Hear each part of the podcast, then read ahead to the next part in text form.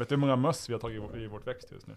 Har ni musinvasion? I växthuset? Ja, gissa. gissa jag säger en siffra. 28. Eh, jag tror vi ligger på 95. 95 möss i växthuset. Vad odlar ni? Ost? Tomater. För? Det, det borde du fråga dig vad det är för fel på råttorna i Finström som käkar Jag kom dit tomater. i somras och skulle skörda min paprika och den var halvt uppäten. Vad fan, och så såg jag mus springa där inne. Så har vi lagt ut lite musfällor efter det tagit 95 möss. alltså de, ja, det här var det enda jäkla Det måste ju vara köbildning till Ja, det. men det är ju kö, det är ända ut till Saltvik. Helt otroligt.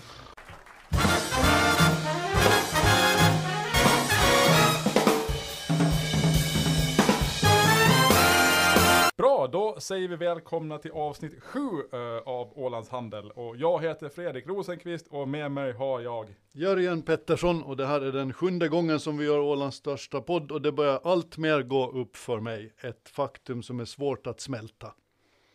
Folk lyssnar. Ja.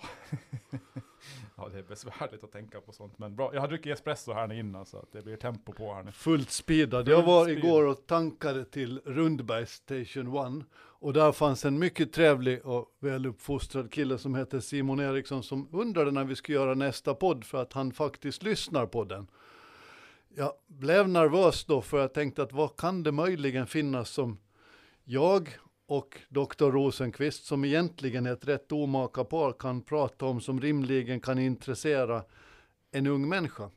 Förklaringen var att han är väldigt allmänintresserad.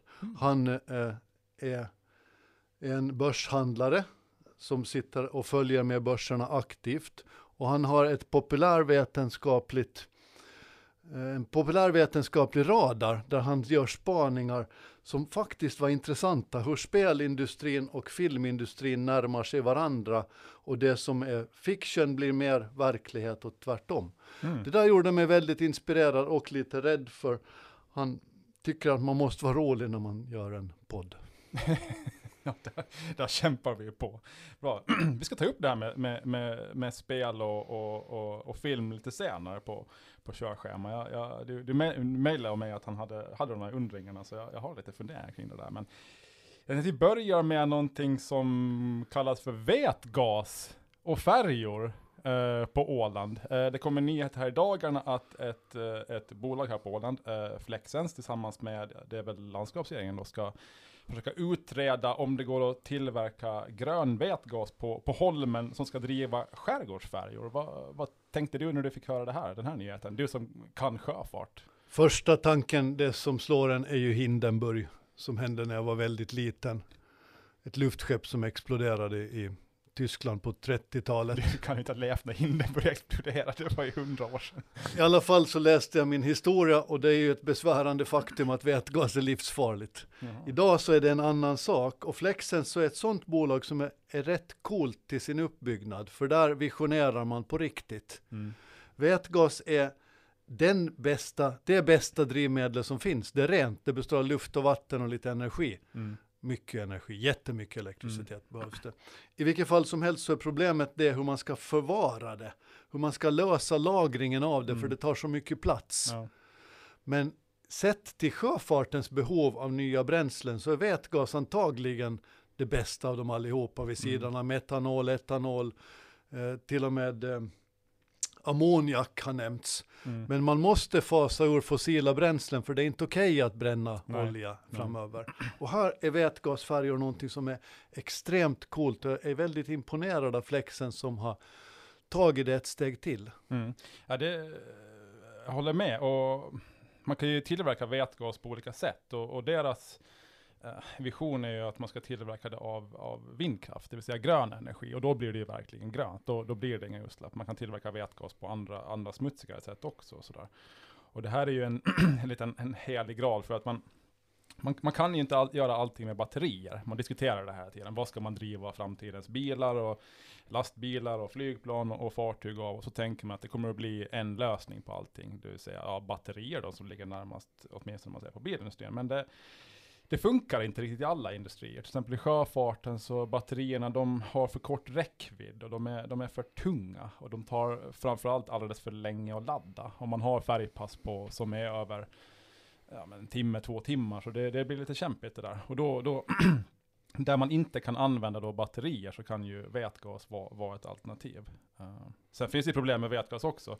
Batterier och, och, el har ju den fördelen att om man, om man lagrar elektricitet i, i batterier som man sen använder då igen i en bil, så då använder man väl kanske ja, 85-95% av, av energin, den tas tillvara. Vätgas har ju alltid varit mindre effektiv. Man, man kanske tar tillvara bara 20, ja, 20-40% sådär.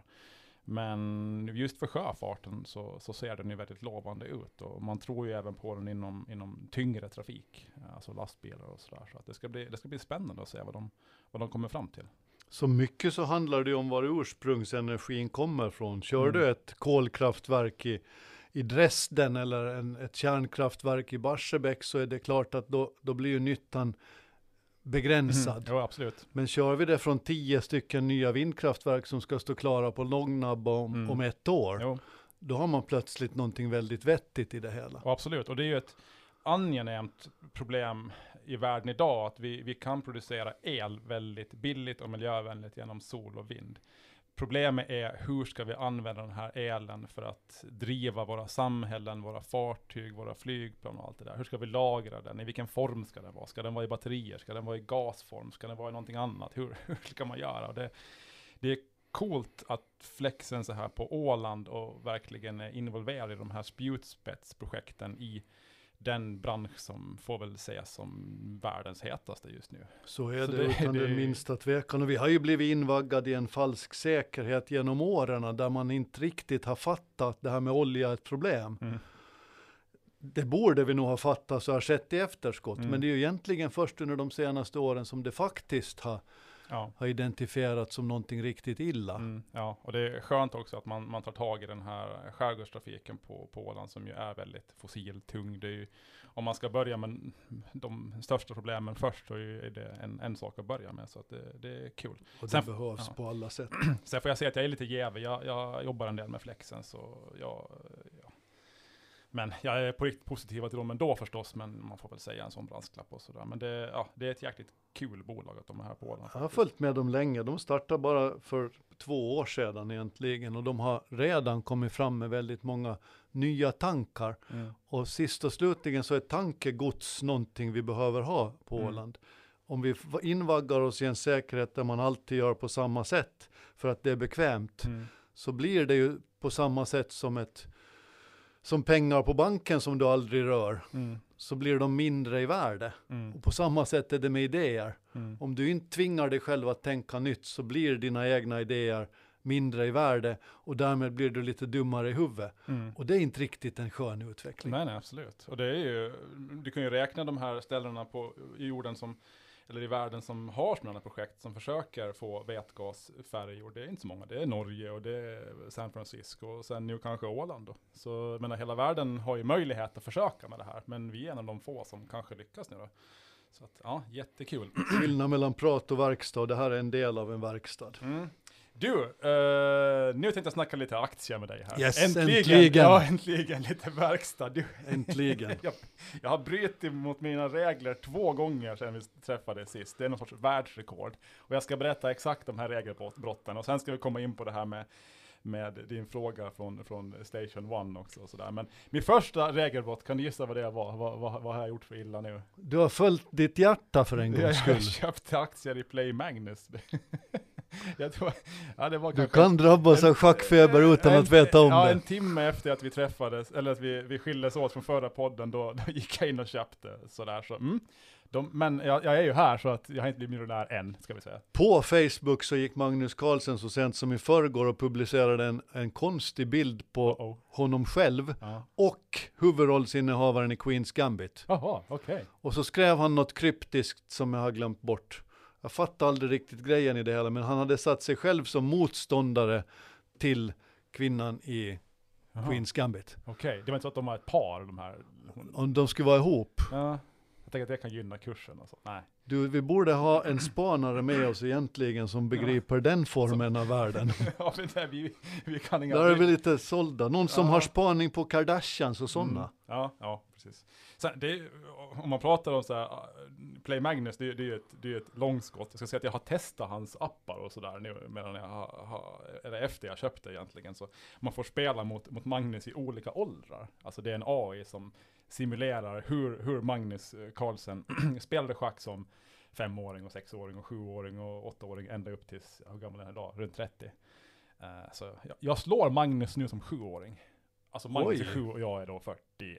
Sådär, det är stort. Eh, när man har klarat av sju och ett halvt år, då är man på intermediate. Ja. Det var inte Men dåligt. den är väldigt bra tycker jag. Eh, ja. Spännande. På engelska naturligtvis. I appen. Jag tänkte säga schack så har jag ju inget språk sådär. Nej men på, den måste ju ha någon beskrivning. Eh, ja, den är väl på engelska. Jag tänker inte riktigt på det där om det är på svenska eller engelska. Det vet jag är ju så språkbegåvad. international businessman, det Ja, vet hur de är de där. Man vet inte riktigt om det är svenska eller engelska Mm. eller vad det är, men Ja. någonting. Sen en, ett roligt knep, eh, och så, som sagt var försiktiga med tips, när man, ursäkta, när man sparar i aktier, det är att när man har sparat ett tag så, och, och har en del, eh, så kan det vara bra idé att ha ganska lite pengar i sådana här riktiga långskott. Om du säger har en eller två procent av din portfölj i någonting helt galet. Eh, för om, den, om, det, om det går på tok, så då, då, då försvinner en eller två procent av din portfölj. Det är inte hela världen. Det, det, det känns knappt. Men om det blir den här supersuccén och den stiger med tusen procent, då gör det skillnad. Så det är lite så win-win att, att ha något sådant här långskott och det är lite roligt också. Så att det, det kan vara ett tips. Av nyfikenhets skull, Ja. har du också gått in i Alphabet, Facebook, eh, Ja.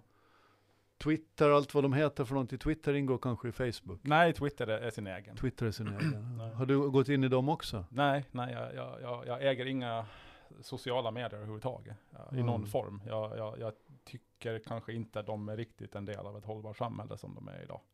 Jag, jag tycker inte det är en ah, alltså, positiv. De, de bidrar inte med så mycket positiv till världen känner jag ibland. Facebook och Twitter och sådär. Det, det bidrar snarare till splittring. Så att jag investerar inte. Jag håller mig från dem av ja, sådär etiska skäl. Och de, de ingår heller inte i de så här etiska fonder jag har av oklar anledning. De, det är väl deras personalpolicy tror jag som, som diskar dem därifrån. Då. Det är ganska intressant egentligen. Mm. Eh, den andra regeln som jag bröt emot, det var ju att jag skulle inte få köpa fler aktier i år. Men jag gick och hetsade upp mig här, jag hade gått och hetsat upp mig i flera veckor över eh, det här drevet mot Nordnets börsnotering. Nordnet är ju en internetbank som finns i det är väl Sverige och Finland och Norge och ja, något land till kanske. och i synnerhet eh, Dagens Industri har drivit alltså kampanjjournalistik deluxe mot den här börsnoter- börsnoteringen de senaste veckorna. De har varit jättearga över den. De tycker att det här är för jäkligt. De, de, man köpte ut, eh, Nordic Capital köpte ut Nordnet från börsen 2017 för, ja det var väl ungefär en 7 miljarder kronor kanske. Och nu så ska man sälja större delen av sitt innehav och börsnotera Nordnet igen och då kommer man att tjäna ungefär ja, 22-26 miljarder kommer Nordnet att värderas till. Så man har gjort en enormt bra affär på att äga Nordnet under de här åren när intresse för aktiesparande i synnerhet i år har gått upp så jättemycket. Och alla är jättearga över det här. Alla är jättearga över att de har tjänat så här mycket pengar på så här kort tid. Alla är jättearga på, på de i personalen som får köpa billiga aktier och kommer att bli rika på det här. Och alla är jättearga på att det inte finns några ankarinvesterare och sådär. Så att de, det är någon sorts dubbla budskap här. Att för det första så kommer börsintroduktionen att gå dåligt och för det andra om det går bra så är det orättvist för att det är så många som tjänar så mycket pengar. Men det där är ju exakt ett att koka ner eh, girighetens botten. Det, det handlar om avundsjuka. Ja men lite grann tycker Från jag. sidan av. Ja, sen finns det väl en del, alltså de, det är ju en, en del av en granskning. De tycker att ledningen kanske har fått lite för förmånliga villkor och att man ska vara försiktig när man går in i börsintroduktionen. Jag blev så irriterad på den här, den här kampanjjournalistiken så jag, jag, jag, vad heter det, jag eh, tecknar upp mig för några aktier i den här emissionen. Sen vet man ju inte om man, om man får dem eller inte, men de, för den här kommer att börja handlas imorgon. Så att, jag kan vara ägare i Nordnet imorgon då, men det är lite spännande. Det första- så, ska, så ska man göra, man ska gå mot strömmen. Ja, Om alla andra säger en sak ska man göra något annat. Ja, fast jag har ju inte bland mina regler, uh, köp aktier för att du är arg på någon. Det sa man alltid förr, att om det Mm. du skriver i hastigt mod så blir det bästa som du någonsin har skrivit och eh, senare ångrar. Ja, men jag, jag har stört mig lite grann på det här hela året, med, ja, speciellt Dagens Industri, men det är kanske fler som gör det. Att de, det var samma sak med Readly. Och där tror jag väl att Dagens Industri som ägs av Bonnier har någon sorts intresse av att det kanske inte jät- går jättebra för Readly. Och de skrev ner den här också jättemycket. Att det var liksom artikel på artikel på artikel varje dag. En konspirationsteori. Ja, den lite grann. Wow. Foliehatten på sådär. Så att vi får se då. Ja, så nu kanske det blir Nordnets aktier på, på onsdag när den börjar handlas. Eller så blir det inga, jag vet inte. Det är ju ett lotteri där man får eller inte. Hur Eh, väljer de vem som får? Är Ja, det random eller? det är lite hemligt och det har jag också Dagens Industri klagat över. det kan jag förstå de, de, de, Han här, ordförande Dinkelspiel, eh, de gör också en bra affär, familjen Dinkelspiel på det här. De sa någonting att de ska diskutera fördelningen med sina, sina rådgivare. Men det är ganska komplext det här, för de, de har ett prisintervall. Man, jag vet inte om jag får aktier exakt vad den kommer att kosta, för de har ett intervall. Den kan kosta minst så här mycket, men mest så här mycket. Så man vet ungefär vad den kommer att kosta. Och man får inte välja själv som privatplacerare vad man är villig att betala, utan du, du kan gå med på att betala det högsta priset eller kan bli det lägsta. Men de här större institutionella placerarna, de får eh, ange vilket pris de är villiga att betala.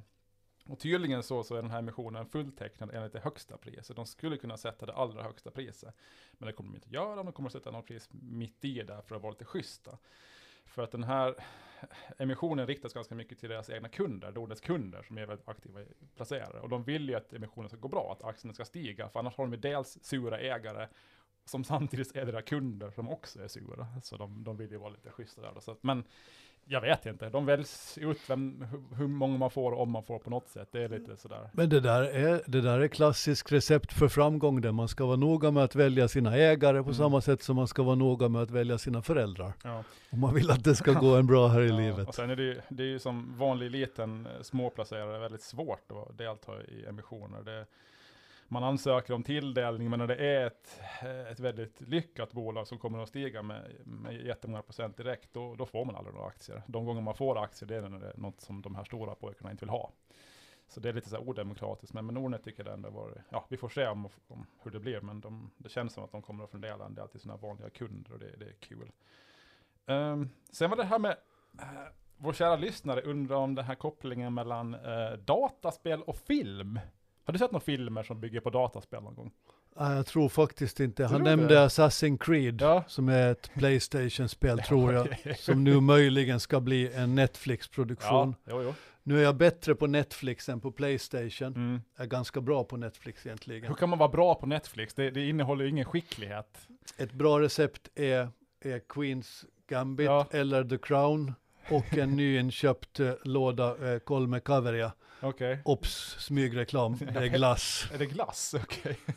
Och det, det gör att jag känner mig rätt, rätt Mm. hemma framför Netflix. Ja. Jag börjar fundera på det här. Det, det här med att, man, man, att spel blir, blir film. Eh, det finns ju en massa olika peng, sätt att tjäna pengar på historieberättande. Det har ju funnits i alla tider. Och vi har ju en lång tradition av att s- saker som, som är filmer eller serier blir annat. Som leksaker och, och nöjesparker och kläder och, och allt möjligt. Transformers. Ja men Lex Transformers, de, de var ju bra på det. Och Disney har ju varit bra på det här i alla år. De, de tjänar ju jättemycket pengar. Om de får en stor hit, en stor hitfilm, då, då tjänar de ju mest pengar på de, den här figurerna svansar runt på Disney World och de säljer leksaker och tröjor och allt möjligt. Det Sådär. där är ju som fotbollsspelare då, som Ja. tjänar pengar på tröjförsäljning, eller Ja, absolut. fotbollsklubbar. Absolut. Eh, och nu för tiden så alla stora filmsuccéer, speciellt uh, Lord of the Rings och Star Wars, de blir ju alltid eh, spel nästan och sådär. Men det, det roliga nu är ju att, eller nu och nu, de senaste 20 åren, är att spel, eh, där finns det också ett historieberättande, att det är ett spel från början som sen blir film.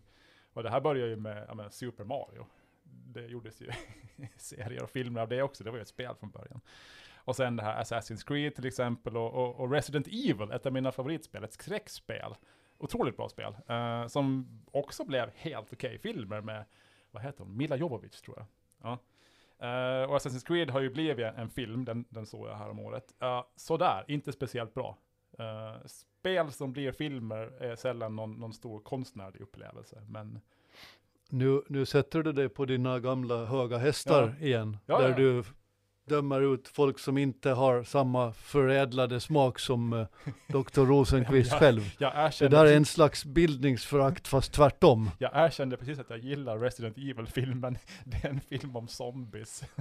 Om man går in på, på, på detaljer, vad tycker du om Rocky, Die Hard eh, och sen den här som handlar om Independence Day? Har du kollat Independence Ah, ja, Day? okej. Jo, Rocky, stor fan. Vi såg alla Rocky-filmer i fjol faktiskt. Man, man får lite träningsnytt. bra. Även Creed, den sista.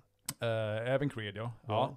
ja. Eh, Rocky 3 är underskattad faktiskt. Bra, Den som äntligen. Thunder nu, nu, Lips är nu med. är du på väg att lyfta. Ja. Die Hard, eh, suverän film. 10 av 10. Independence Day, klarar inte av att se den. Den var för lökig. Nej, jag fick stänga av i mitten. Det, det var sådär.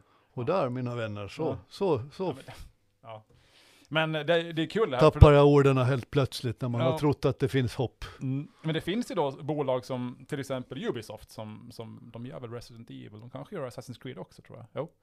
Eh, de har ju startat ett, uh, ja, men ett filmbolag, Ubisoft Motion Pictures and Film eller Motion Pictures and Series eller vad de nu heter. Så de, det är ett spelbolag som har startat en filmstudio som gör sina, sina bästa spel med bäst stories till, till filmer. Sen vet inte jag hur mycket pengar de tjänar på det. Det kanske är ett sätt att marknadsföra deras filmer lite grann. Men det, de flyter ihop de här, de här världarna lite grann och det, det är kul faktiskt. Man, man kommer ju till det här som faktiskt är, är världens störst, starkast växande publiksport egentligen. Eh, sån här som där, där man spelar mot varandra. Mm. Och man drar mängder med, med publik som kommer att Du titta tänker på e-sport? E-sport, Ja, e- ja. e-gaming Ja. och allt sånt. Det, det är en fantastisk industri egentligen. Och jag läste en undersökning en gång för, i min ålder så är det lätt så att man börjar säga att folk blir nog antagligen dumma i huvudet av att Mm. sitta hemma och spela Ja. och inte ägna sig åt socialisering utan man sitter där och knappar och håller på. Då läste jag en undersökning för inte så länge sedan som jag tror den var kanske från Skottland, från Storbritannien hur som helst, där man slår fast att ungdomar som har suttit och ägnat sig åt spel är överlägsna generationen innan Mm. när det gällde interaktivitet människor Okej. emellan, när det gällde språk, när det gällde taktiskt tänk, Mm. när det gällde flexibla lösningar, när det gällde att agera rationellt på nya situationer. Vi har, vi har format alltså supermänniskor, de som sitter hemma och e-gamar på dagarna. Ja, ja. De är kanske inte så bra på att prata med människor, men de vet hur saker och ting funkar. Du, vet att jag har spelat spel hela livet, jag stämmer inte in på någonting av det där. Lysande undantag. Man är bara obegåvad helt enkelt, det kanske är det som är fel. Jag, jag ville inte gå in på den vägen. Nej, nej precis det. Uh, du, det var lite fartygsnyheter häromdagen. Viking Ja. Grace parkerar vid mina gamla hoods ute i Ytternäs där vid stenkrossen. Där har man hängt många gånger och tittat på färjorna när man har druckit en, en pilsner. Va, vad tänkte du om den här grundstötningen? Ja. I, det känns som déjà vu lite grann. Jag ramlar rätt ner i nyhetsträsket igen. Jo, jag Som jag har försökt ta mig ur här nu så länge. Rätt ner ramlade jag i det. Och gick där och filmade live för Ålands Sjöfart. Jaha, det var film Jag var där och filmade. Ja, okej. Direkt sändning live. Vi hade 140 000 tittare. Det var helt Oj. galet vilket Ja. intresse det var. Ja. Det spred sig till tjeckisk tv, till England, till Singapore, över hela världen. Mm. För att det där var ganska ovanligt. Det var ju en, en formidabel otur skulle jag säga. Mm. Man har tagit i land där tusentals gånger, det har aldrig varit något problem. Mm. Det hade kanske någon gång varit, men det har aldrig hänt någonting. Och nu, men det var nog en sådan storm att när jag stod på, kar, på kajen och filmade så var det nästan så att jag, jag ramlade omkull för det blåste Mm. så hårt. Mm. Det var länge sedan om ens någonsin jag känt en sån otrolig stormstyrka Mm. Ja. i Ja, vinden. det, ja, om man ska veta det. Jag, jag, jag tycker om att, att titta på när, när, när fartygen lägger till där vid tvåtiden. Jag, förut när jag bodde i stan så då, då kunde jag gärna gå ner och kolla. På, för det, de, de, de trär en väldigt lustig dans där vid två. Det är otroligt många fartyg som ska in på samma ställe och det är väldigt smalt det där sundet. Det är, man är nästan chockerad av att det inte händer incidenter oftare. Det, det, det måste vara, alltså de är otroligt skickliga, de som kör de här fartygen. Att klara av det där, för det, ja, det ser inte lätt ut. De är att- ultraseriösa alltså. Ja. De har säkerhetssystem på säkerhetssystem Ja. på ännu flera system.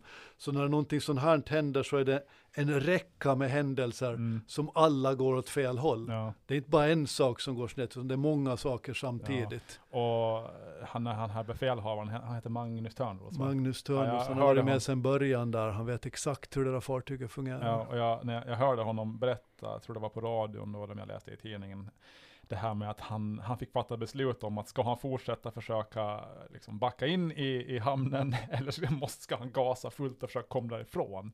Och det här är ju beslut som han måste fatta på en tiondel sekund. Alltså det kryper i kroppen på mig. Vilket, vilket liksom ansvar över, över ett sånt stort fartyg och andra fartyg som ligger där och hundratals människor ombord. Det är ja, imponerande. Och sen, jag menar, sen nu så valde han ett alternativ och det blev så här. Det blev ju inga större skador på fartyg och det gick ganska bra. Passagerarna fick vara där över natten och sådär. Men alltså jag tycker det, oh, det, det, mest pinsamma som finns i hela världen, det är om man backar in i en stolpe med bilen och någon ser den och tänker herregud vilken klant, vilken klant man är och tänka att måste stå där och säga jo jag körde upp ett, jag vet inte hur, hur långt, vilken Grace är, väldigt stort fartyg upp på land med ett par hundra människor ombord. Det, ja, det krävs mod det, att stå där. Det finns, det finns paralleller till en av de bästa filmer jag har sett som heter Sally. Som handlar om nödlandningen på Hudsonfloden. Mm, för tio jo. år sedan kanske. Där kaptenen tvingades ta ett beslut efter att hans maskiner har slagits ut av fåglar. Mm. Och han tvingades ta ett beslut och valde att nödlanda på Hudson River. Mm. Och blev väldigt ifrågasatt efteråt. Mm. För simuleringarna så visade att han kunde ha haft tid att vända tillbaka till flygplatsen och därmed genomfört en säkrare landning. Ja, mm. Alla klarade sig i det där flygplanet mirakulöst. Mm. Men han kunde aldrig fatta hur simulationerna kom fram till det som han inte hade kommit fram till med all sin erfarenhet.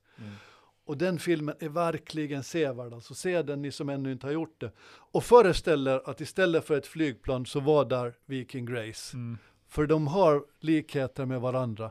Man kan inte alltid förlita sig till instrumenten utan ibland är det människan som styr över farkosten. Mm. Och det hände här och det var väldigt elegant gjort, ja. sättet som han placerade fartyget på sist och slutligen. Ja, ja absolut. Ja, det, det, var ju fantastiskt att det inte verkar, alltså de har blivit av med lite färg på skrovet och, och någon propeller, det är helt otroligt. Så att, ja, det ska ju aldrig, det ska ju inte hända sådana grejer, men det, ibland, ibland gör det ju det. Så att det, det går på skit. Det där definierar alla verksamheter mm. och alla människor i hela världen. Alla vet att det kan gå snett. Mm. Frågan är sen, hur reder du upp det? Ja, ja. Det är den avgörande. Mm, precis det.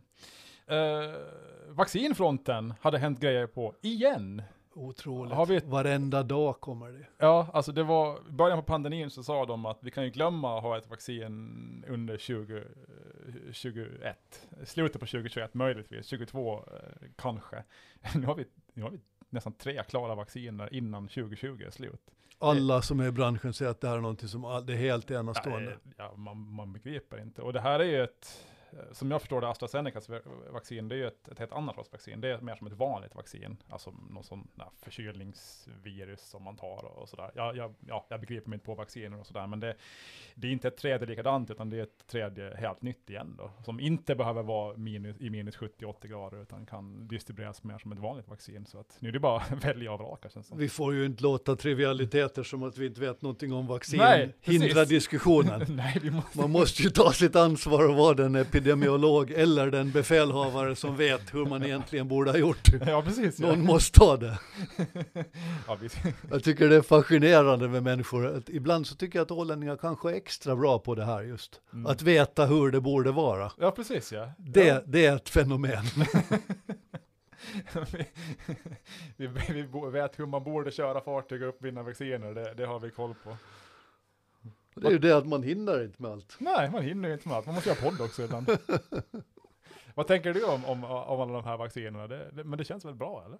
Jo, det är ju en förutsättning för att vi ska kunna öppna igen. Alltså det, det, det verkar, jag lyssnade på Stefan Löfvens tal i söndags när han gick ut till nationen. Det var ingenting nytt som kom där, men han ville understryka allvaret. Mm. Och allt fler så börjar ta an perspektivet att detta kan vara för alltid, vad nog sen för alltid är för mm. någonting, men under väldigt lång tid i alla fall, ja. som vi måste förhålla oss till det, för det är en infektionssjukdom som inte försvinner. Nej. Den finns där, Nej. den kommer till att vara kvar där. Mm. Och då gäller det att på något vis kunna leva med den. Mm. Uh, tänker du ta vaccin? Om du ja, får chansen? Ja, det gör jag nog. Ja, det tänker jag också. Ja, alltså, svininfluensan tog jag aldrig, men det här känner jag att man, man, alltså man måste ta det om man är en en, en, en samhällsmedborgare som känner ansvar. Alltså jag... det, är så, det som var ett problem med vaccin, det var när man tog svininfluensan och det utvecklades till narkolepsi. Mm. Det var inte många som fick det, men, men det, var en, det var en väldigt, väldigt mm. besvärlig Ja, men om man det här gången väger, visst det finns en risk om jag tar vacciner som ändå, så vitt jag vet, frisk 40-åring, ingen riskgrupp, så kan jag drabbas av eventuella biverkningar. Men ska jag värdera dem högre än den samhällsnytta jag gör genom att ta det här vaccinet? Ja, så här så tycker det. jag, jag är en självisk person, men i det här fallet så måste man vara osjälvisk. Alltså Det är en solidaritetsfråga på många sätt. men om alla under 40 eller under 45 säger nej, vi tar inte vacciner. Vi är ju ingen riskgrupp. Men då funkar det inte. Så, och jag såg någonstans, kommer inte ihåg vem det var som skrev det, det kanske var Ah, det var någon krönika jag läste, som en diskussion om man borde ge ett stöd. Alltså att man borde säga, säga att alla som tar vacciner får 200 euro. Eller någonting. Att man speciellt kommer åt sådana länder där, ja men Italien och Tjeckien och, och sådana ställen där det finns ett stort vaccinmotstånd. Och det finns ju ett tydligt samhällsnytta av att få människor att ta det här vaccinet. Så jag menar, kanske man måste betala ut stöd för att folk att göra det. Det skulle ju vara jäkligt synd om, man- om det behövs. För det, Men det blir nog en gyttjetillställning Ja, det. men För då kommer hälften det. till säga att nej men jag vill ha 300. Ja, precis. Men det, i det här fallet så alltså, det är nästan värt det. Så, Det är en ganska spännande tanke. ja, ja. Vad ska vi mer prata om då? Ålands Handels nästa nummer kommer snart ut. Den ska till tryck nästa fredag. Ja. Och vi håller på med det allra sista just Ja. nu. Och det vågar jag nog säga, jag tror att den här kommer till bli läsvärd deluxe. Ja, det var uppföljarens förbannelse har inte riktigt slagit in. Jag känner också att den kommer att bli bra. Det blir lite så här roligt techfokus och, och lite unga människor också. Och äldre. Och framtidstro så det bara Ja. stänker om det. Plus helikopterperspektivet. Ja. Där vi inte bara ägnar oss åt uh, plogpinnarnas placering i Pålsböle. Även om det är en väldigt viktig sak det också. Apropå det så har jag noterat plogpinnen på... Nej jag skojar bara. Utan här går vi ovanför och tittar neråt. Ja. Och, och det tror jag att är viktigt. Och de vi intervjuar så har en, en enastående förmåga att se möjligheter. Absolut. Så det tror jag att vi kommer Ja. till ha stor nytta av. Och lite kul som gammal nyhetstorsk att det, det är lite nyhetsfokus också i den här tidningen. Vi har märkt att det är många som har läst den första numret och, tyckte att den var bra, antar jag, och vill gärna vara med och berätta om nyheter i, i, i tidningen. Det, det är kul. Det är Det- jättebra. Det är svårt att, att berätta nyheter i en tidning som artiklarna skrivs några veckor före den trycks. Så då måste man ju, ja. Och där tycker jag det är viktigt också att säga eh, till, till, eh, till min kompis Simon och alla andra som lyssnar att om ni har idéer kring vad vi ska ta upp så hör gärna av er. Mm. För, för ingen kan allt. Och särskilt inte vi. Ja. För vi har fullt upp med att vara epidemiolog och eh, eh, fartygsexperter. Ja, precis. Medan vi uppfinner vi vacciner här så, så pågår det en massa saker runt om i vår värld som vi faktiskt inte hade någon aning om, och som vi har fått reda på nu. Så om man tänker bara shit, Och det borde så vi få reda på. Åland? Finns det sådana människor på Åland? Gör ni det här? Så det, det kommer mycket sånt i. Det är verkligen häftigt. Ja. Och vi ska vara väldigt stolta över det samhälle vi har. Jag tycker att den, den ton som vi har i tidningen så ska vara att allt är möjligt. Mm. Till och med vätgasfärjor i skärgårdstrafiken. Ja, nej, den, den, den, den ger hopp det här kommande numret, så att det ska bli kul att se vad vi får för reaktioner. Eh, har du något mer på din lista som du vill avhandla? Jag tycker att man måste göra en spaning så här Ja. i all försiktighet. Årets julvärd i SVT är Lars Lerin. Och, och nu tänker du Lars Lerin, vem är det? Ja, Jag, jag ser ut som ett levande frågetecken, jag har ingen aning. Lars Lerin hör till dem som eh, likt Picasso tolkar verkligheten genom konsten. Ja, Han skrapar bort dammet från själen, brukar man säga. han målar tavlor. Han gör allt möjligt. Han Ja. är en konstnär som kommer till ställa ut akvareller nästa sommar på Ålands, eh, naturhis- eh, Ålands konsthistoriska museum. Aha. Och det ska ni inte missa. Jag tycker ni ska tillbringa julafton och se på Lars Lerin och tänka, han där är nog också lite ålänning. För innerst inne så tror jag att vi alla är ålänningar som är lite nyfikna, lite bändiga, lite obstinata, Ja. mycket framtidskramande. En sån tror jag att Lars Lerin är. Jag är glad över att han ska vara julvärd och att han kommer till Åland med sina alster nästa sommar. Okej. va- ja. Jag Nu fick du lära dig något nytt. Alla, alla människor som inte an- handlar med aktier är inte dåliga människor. är du säker på att han inte handlar med aktier? Vi får fråga honom. Säljer hans tavlor för dåligt? jag blev lite sugen på, på, på att titta på hans tavlor och lyssna på hans julvärderi, men ja, inte, alltså är, det abstrakt konst då? Eller? Det ska inte jag säga. Nej. Konst ligger alltid i betraktarens ögon. I Det som är abstrakt för mig, det är, det är verklighet för dig och vice versa. Mhm. Konst ska man inte bedöma, konst ska man uppleva och, och, och leva i. Ja, ja, absolut. Jag gillar konsten då. Renässanskonsten och så. Jag var på Dalis museum i Spanien. Det Då var, så, det då var är ett du hemma. ställe. Då är ja. det från Dalí till Lars Lerin, Ja. det steg är nästan inget alls. Nej, det går ju en myt om att han eventuellt kan vara begraven under badrummet i det där museet, men man vet inte riktigt. Det kan det nog vara. Tror inte Lars Lerin utan, utan Dalí. Dalí. Ja. Hans Ålandskoppling har man också resonerat mycket om, men man har inte riktigt nått ända fram ännu. Mm. Man har kommit så långt att han kanske var kusin med Pinochet som hade stuga på Fögle, ungefär. Nej, Pinochet-stuga på Fögle. Ja, det skulle vara någonting där. Du, eh, har du någon hyllning den här veckan då? Ja, Veckans det hyllning. har jag. Ja, men vem? Eller Vår vad? veckans hyllning, den är så klockren. Det är Sven Larsson som kör för Röde Orm Okej. och belönades med årets Rädda Barnen-pris häromdagen. Och vad gjorde han då? Jo, han såg till att när coronavåren startade Ja. och skolorna stängde så tog han sig för att köra ut skolmat från skolorna i stan till barnen som var i husarrest typ hemma. Mm. Det var en fin gest och det gjorde han på eget initiativ för att han själv ville göra det. Och det tycker jag sätter fokus på en trend som vi kommer att se mer av. Jag tror att vi kommer att se mer omfamnande, mera bry sig om, mera känsla i vardagen. Hmm. Och det har faktiskt Sven Larsson eh, visat denna vecka. Så hatten av till Sven och grattis och bra gjort. Ja, absolut. Låter som en riktig hedersknyffel. Jag tänkte göra en sån, eh, den minst oväntade grejen i världen och ge veckans hyllning till min fru. Äntligen, Äntligen! Hon, hon har väntat på den här hyllningen. Hon, hon är hemma och tar hand om vårt, eh, vår lilla barn, Ivar, som får typ världens bästa uppfostran. Samtidigt som hon projektleder renoveringar, eh, korrläser lite av mina texter i, i Ålands Handel och allt möjligt. Fångar, fångar eh, hundratalet möss i vårt växthus och en riktig klippa, så hon, hon är förtjänt av en, av en hyllning. Och hon heter Malin, Hon heter inte Malin. att förglömma. Nej? Och alla som eh, är med i vardagen hos Dr. Rosenqvist så är värda att hyllas. Jag förenar mig i den hyllningen. Absolut.